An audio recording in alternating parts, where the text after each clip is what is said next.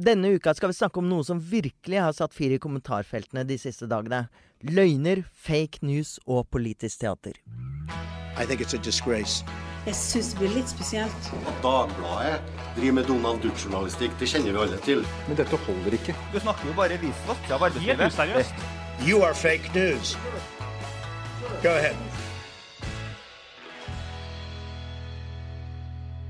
Og der hørte du en som virkelig har hatt en dårlig uke. Igjen, får vi nesten si, men dette er den dårligste uken i, i Donald Trumps uh, presidentkarriere, tror jeg. Eh, fikseren hans, eh, adv tidligere advokaten Michael Cohen, ble dømt til tre års fengsel for lovbrudd som er direkte knyttet til Trump. Og etterforsker Robert Mueller sikter nå inn på Trumps familie. Men det preller av på Donald. Vi har besøk av en som ikke bare er ekspert på USA, men på Trumps mange løgner. En menneskelig løgndetektor, rett og slett. Du hører altså på siste med Marie Simonsen, og bak lydbordet denne uka sitter selveste Geir Ramnefjell. Hvordan føles det å overta etter Ola? Nei, det er jo omtrent som eh, ikke å hoppe etter Wirkola, men det er mer som å hoppe etter materialforvalteren til Wirkola. Stakkars Ola. Han gjør så godt han kan. Vi gjør alle så godt vi kan. Ja, det gjør vi. Men, eh, men først så skal vi snakke om eh, noe veldig alvorlig. Det oppsiktsvekkende, rystende angrepet på justisminister Tor Mikkel Waras hus forleden. Og det er det mange som har knyttet direkte opp til et teaterstykke som knapt noen har sett. Hvem i all verden hadde trodd at Black Box-teatret skulle ha en av de mest omtalte teaterforestillingene i Norge den siste uka? Eller den siste tiden, egentlig. Eh, oppsetningen Ways of Seeing har skapt voldsomt rabalder. Eh, det handler bl.a. om at de viser på scenen eh, bilder av husene til kjente personer. Bl.a. statsråder, mangemilliardærer, eh, innvandringsmotstandere. Og de knytter det opp mot rasisme og høyrepopulisme. Og påstanden er nærmest at Norges offisielle innvandrings- og overvåkingspolitikk er rasistisk. Eh, men stykket fikk jo egentlig ikke så mye oppmerksomhet før samboeren til justisminister Tor Mikkel Wara skrev et innlegg i VG hvor hun hevdet at hun var nærmest blitt invadert, at det hadde blitt filmet mens hun var i huset, og hun hevdet også at de hadde filmet inne på privat, eh, på privat grunn. Eh, men begge deler er altså tilbakevist. Et par dager etter det så ble Waras hjem tagget ned. Det ble skrevet rasist, eller rasisitt, for å være helt presis, på veggen hans. Bilen hans ble forsøkt påtenkt. Og dette var jo selvfølgelig et helt forkastelig angrep på en statsråd som blir tatt på eh, det aller største alvor. Men det ble også straks satt i sammenheng med denne forestillingen. Lillian Bykseth, du er teateranmelder i Dagbladet og er en av få her i landet faktisk som har sett denne forestillingen. Vi har regnet ut at det er ca. 1000 stykker som har sett den. Kort, hva handler dette stykket om? Det handler om definisjonsmakt, og det handler om premisser. Det handler om hvem som legger premissene for hvem, og det handler om overvåkning. Men du ble litt overrasket da du så stykket, fordi det stemte jo ikke med det som eh, mange hadde påstått at stykket inneholdt. Hvordan skilte teaterforestillingen seg fra debatten i kommentarfeltene? Teaterforestillinga holder en helt annen avstand til disse husene enn det jeg hadde forventa fra omtale både på sosiale medier og i noen av de anmeldelsene som ble skrevet etter premiereforestillinga. Jeg så denne forestillinga rundt ei uke inn i perioden. Og jeg satt hele tida og venta på at dette skulle komme problematisk nært, skulle bli problematisk påtrengende. Og det skjedde ikke. Men eh, ble husene på noen måte identifisert, eller hvordan ble de identifisert? de, de blir vist frem på film, omtrent med si to-tre meters mer avstand enn det du gjerne ville ha sett dem fra hvis du hadde sett dem i en boligannonse.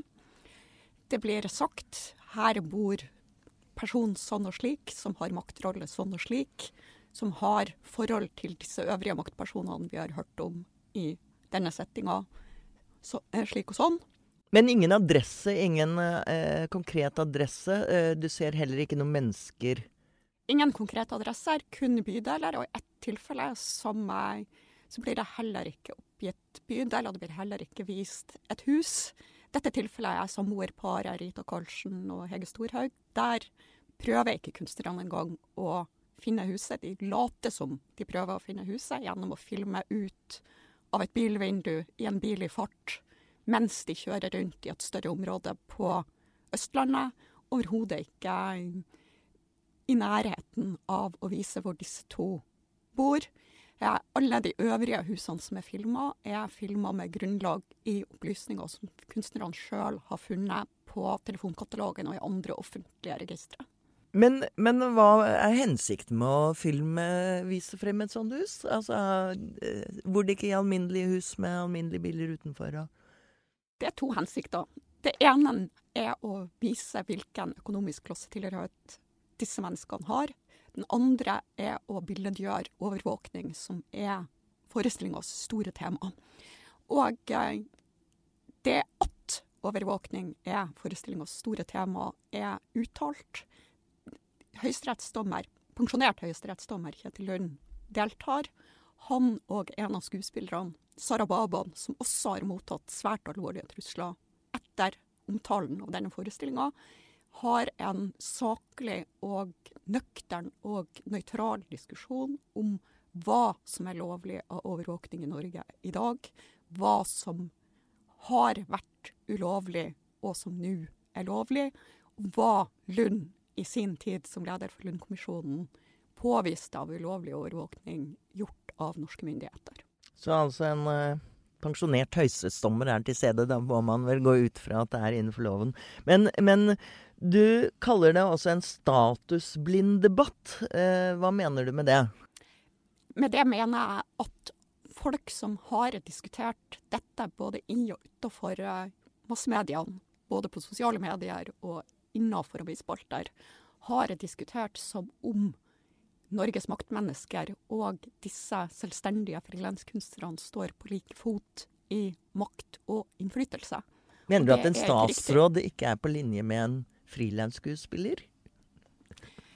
Ikke når det gjelder definisjonsmakt her i verden. Nei, det tror jeg vi kan være veldig enige om alle sammen. Det er det ikke. Ja, nei, men det er mange som har litt statusblindhet. Så takk, Lillian Bikseth. Det var uh, fint å ha et uh, Hva skal vi kalle det? Et primærvitne i denne saken. Vi har fått inn en uh, god kollega her. Jon Olav Egeland, du er jo en erfaren redaktør og har dessuten sittet i Pressens faglige utvalg i tolv år. Uh, er det greit å filme folks hjem? Det er ikke noe problematisk i utgangspunktet å ta bilder av eller filme hus som står ute om natten, som jeg eh, velger å kalle det. Selve bostedet til folk er, er, er en offentlig opplysning. Men det kan jo selvfølgelig tenkes kontekster, sammenhenger, hvor, hvor, man vil vurdere det at man ikke skal gjøre det, f.eks. av sikkerhetsmessige grunner. Men det er lang tradisjon for å gjøre det. Jeg kan jo f.eks. vise til at uh, avisene i forbindelse med skattelistene ofte har vist til hvor nullskattyterne bor og hvordan de har det nettopp som en illustrasjon på, på, bidraget til fellesskapet og hvordan den private formuen er.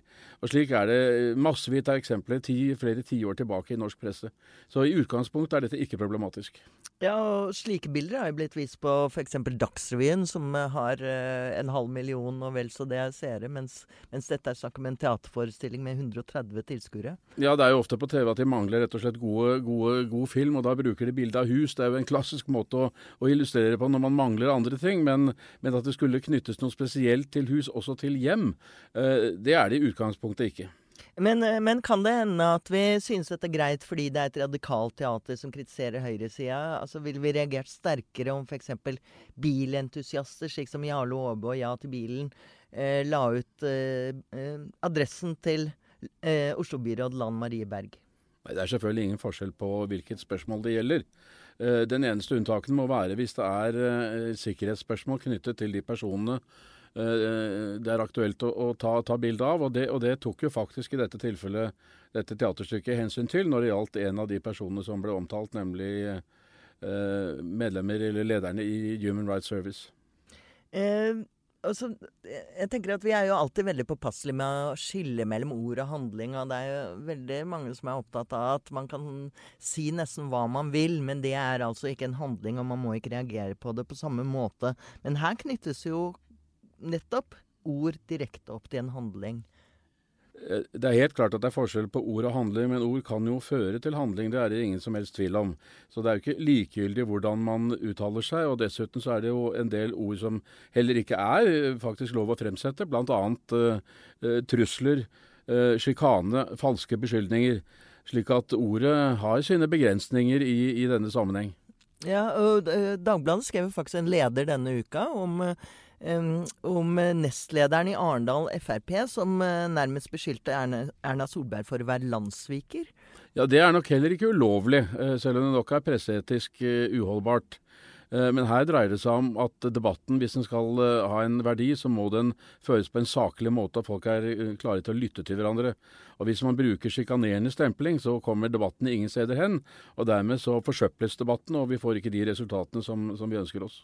Her er nok Dagbladet strengere enn Erna Solberg, som antagelig ville sagt jeg ville ikke brukt akkurat de ordene.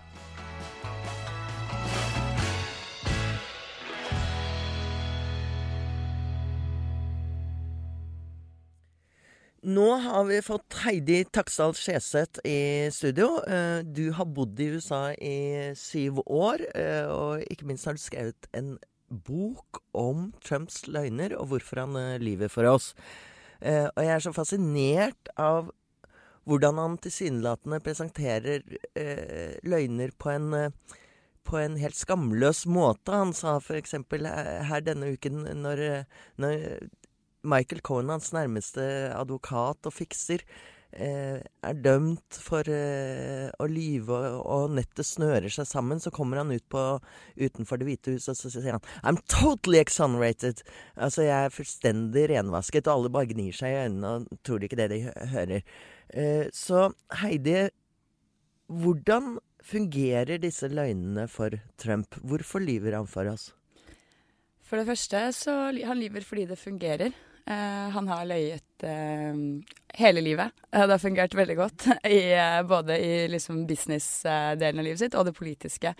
Og vi så det under valgkampen. Da drev amerikanske faktasjekkere og og sjekket og talte, og da var Jeg tror Washington Post sine faktasjekkere kom til at han hadde 68% av utsagnene hans var, var, feil, eller løgn, eller bullshit, eller hva, hvilken definisjon man skal kalle det. Så han har gjort det lenge, og han fortsetter fordi det fungerer.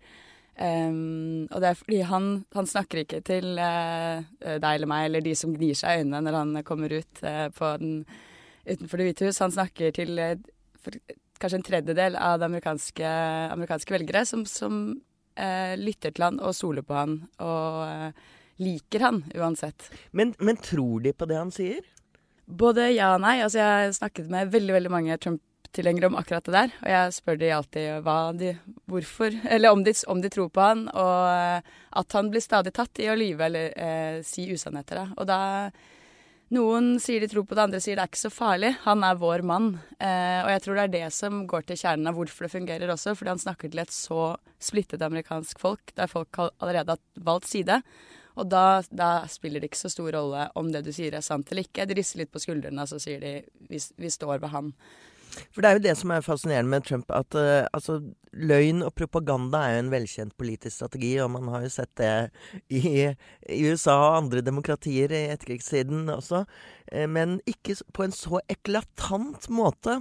Og jeg husker at uh, Trump sa under valgkampen, så sa han at jeg kan skyte noen på Fifth Avenue og slippe unna med det, de vil likevel elske meg. Er vi der nå?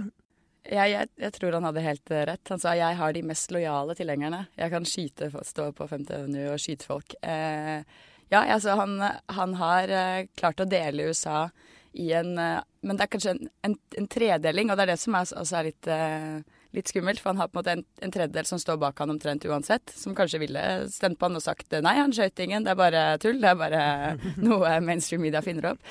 Eh, så har du en tredjedel som er sånn altså, rasende uansett hva han gjør. At alt han gjør er, er galt. Eh, og så har du kanskje en sånn tredjedel av en amerikansk offentlighet som ikke helt vet hva de skal tro. Eh, og drukner litt i all den informasjonsstrømmen. og disse så vi jo at reagerte kanskje Vi så tegn til det i, i mellomvalget. At eh, en del av disse, i hvert fall middel, hvite middelklassen, sviktet ham litt. Grann, fordi at faktisk løgnene blir for sterke. Tror du det er sånn at, eh, at eh, man kan håpe at noen faktisk eh, hører på faktasjekkeren litt? Grann? Ja, kanskje ikke nødvendigvis eh, faktasjekkerne, men eh, jeg tror eh, Jeg må jo tro at, at det får konsekvenser etter hvert.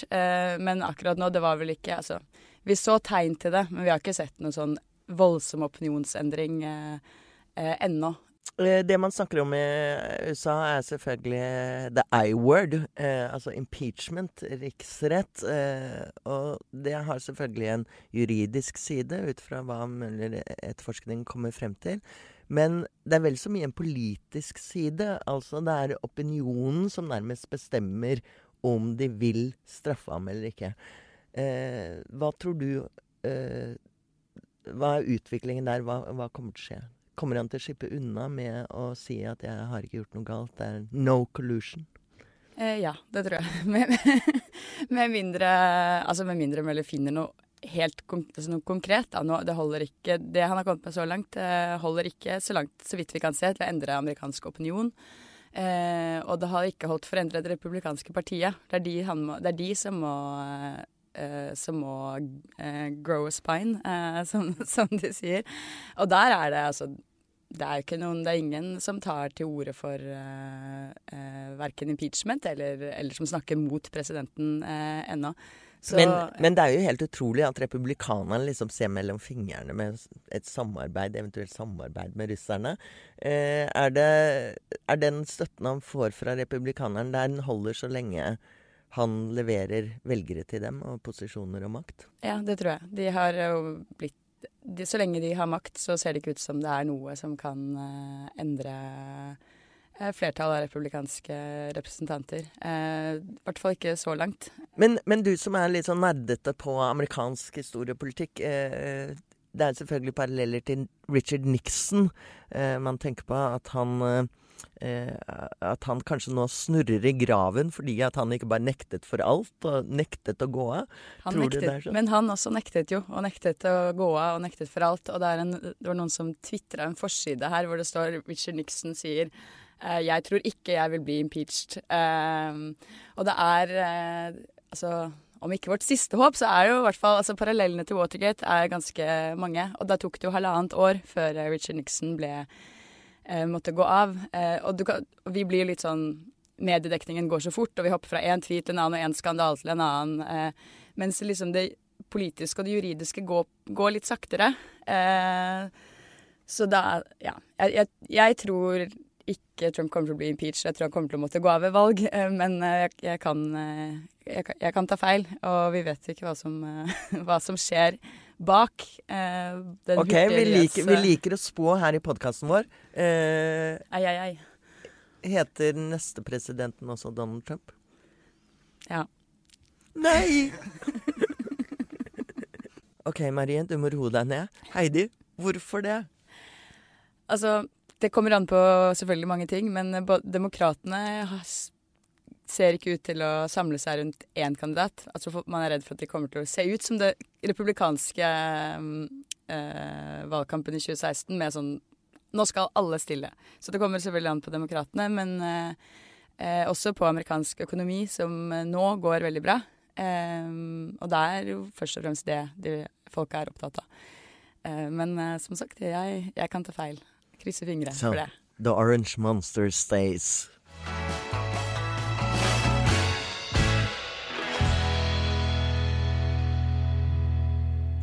Geir, du er jo far til tre små barn. Har de vært snille i år, når julenissen kommer?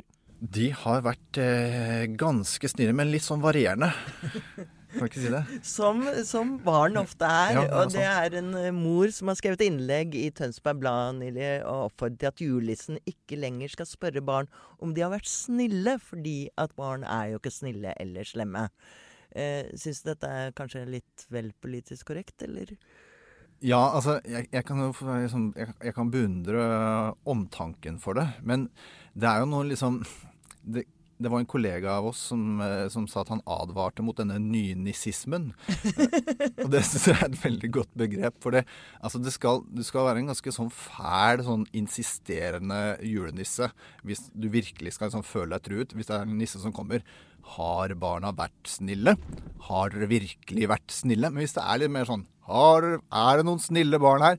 Da er det litt sånn vanskelig for å forstå at det liksom skal er- virkelig være traumatiserende. Da er jo de fleste barn også smarte nok til å si at de har vært snille, enten de har vært det eller ikke. Ja, men men jeg, jeg husker at jeg syns Tenkte litt over det. Kanskje jeg ble litt eh, Jeg tror ikke jeg blir traumatisert, men jeg syns at det er jo et litt sånn skummelt spørsmål, da. Hvis det, barn er jo ofte veldig ærlige.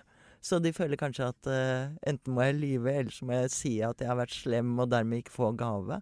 Så jeg er litt, litt enig med moren i Tønsberg Blad. Ja, kanskje dette har sett, satt større spor i oss enn det vi var klar over?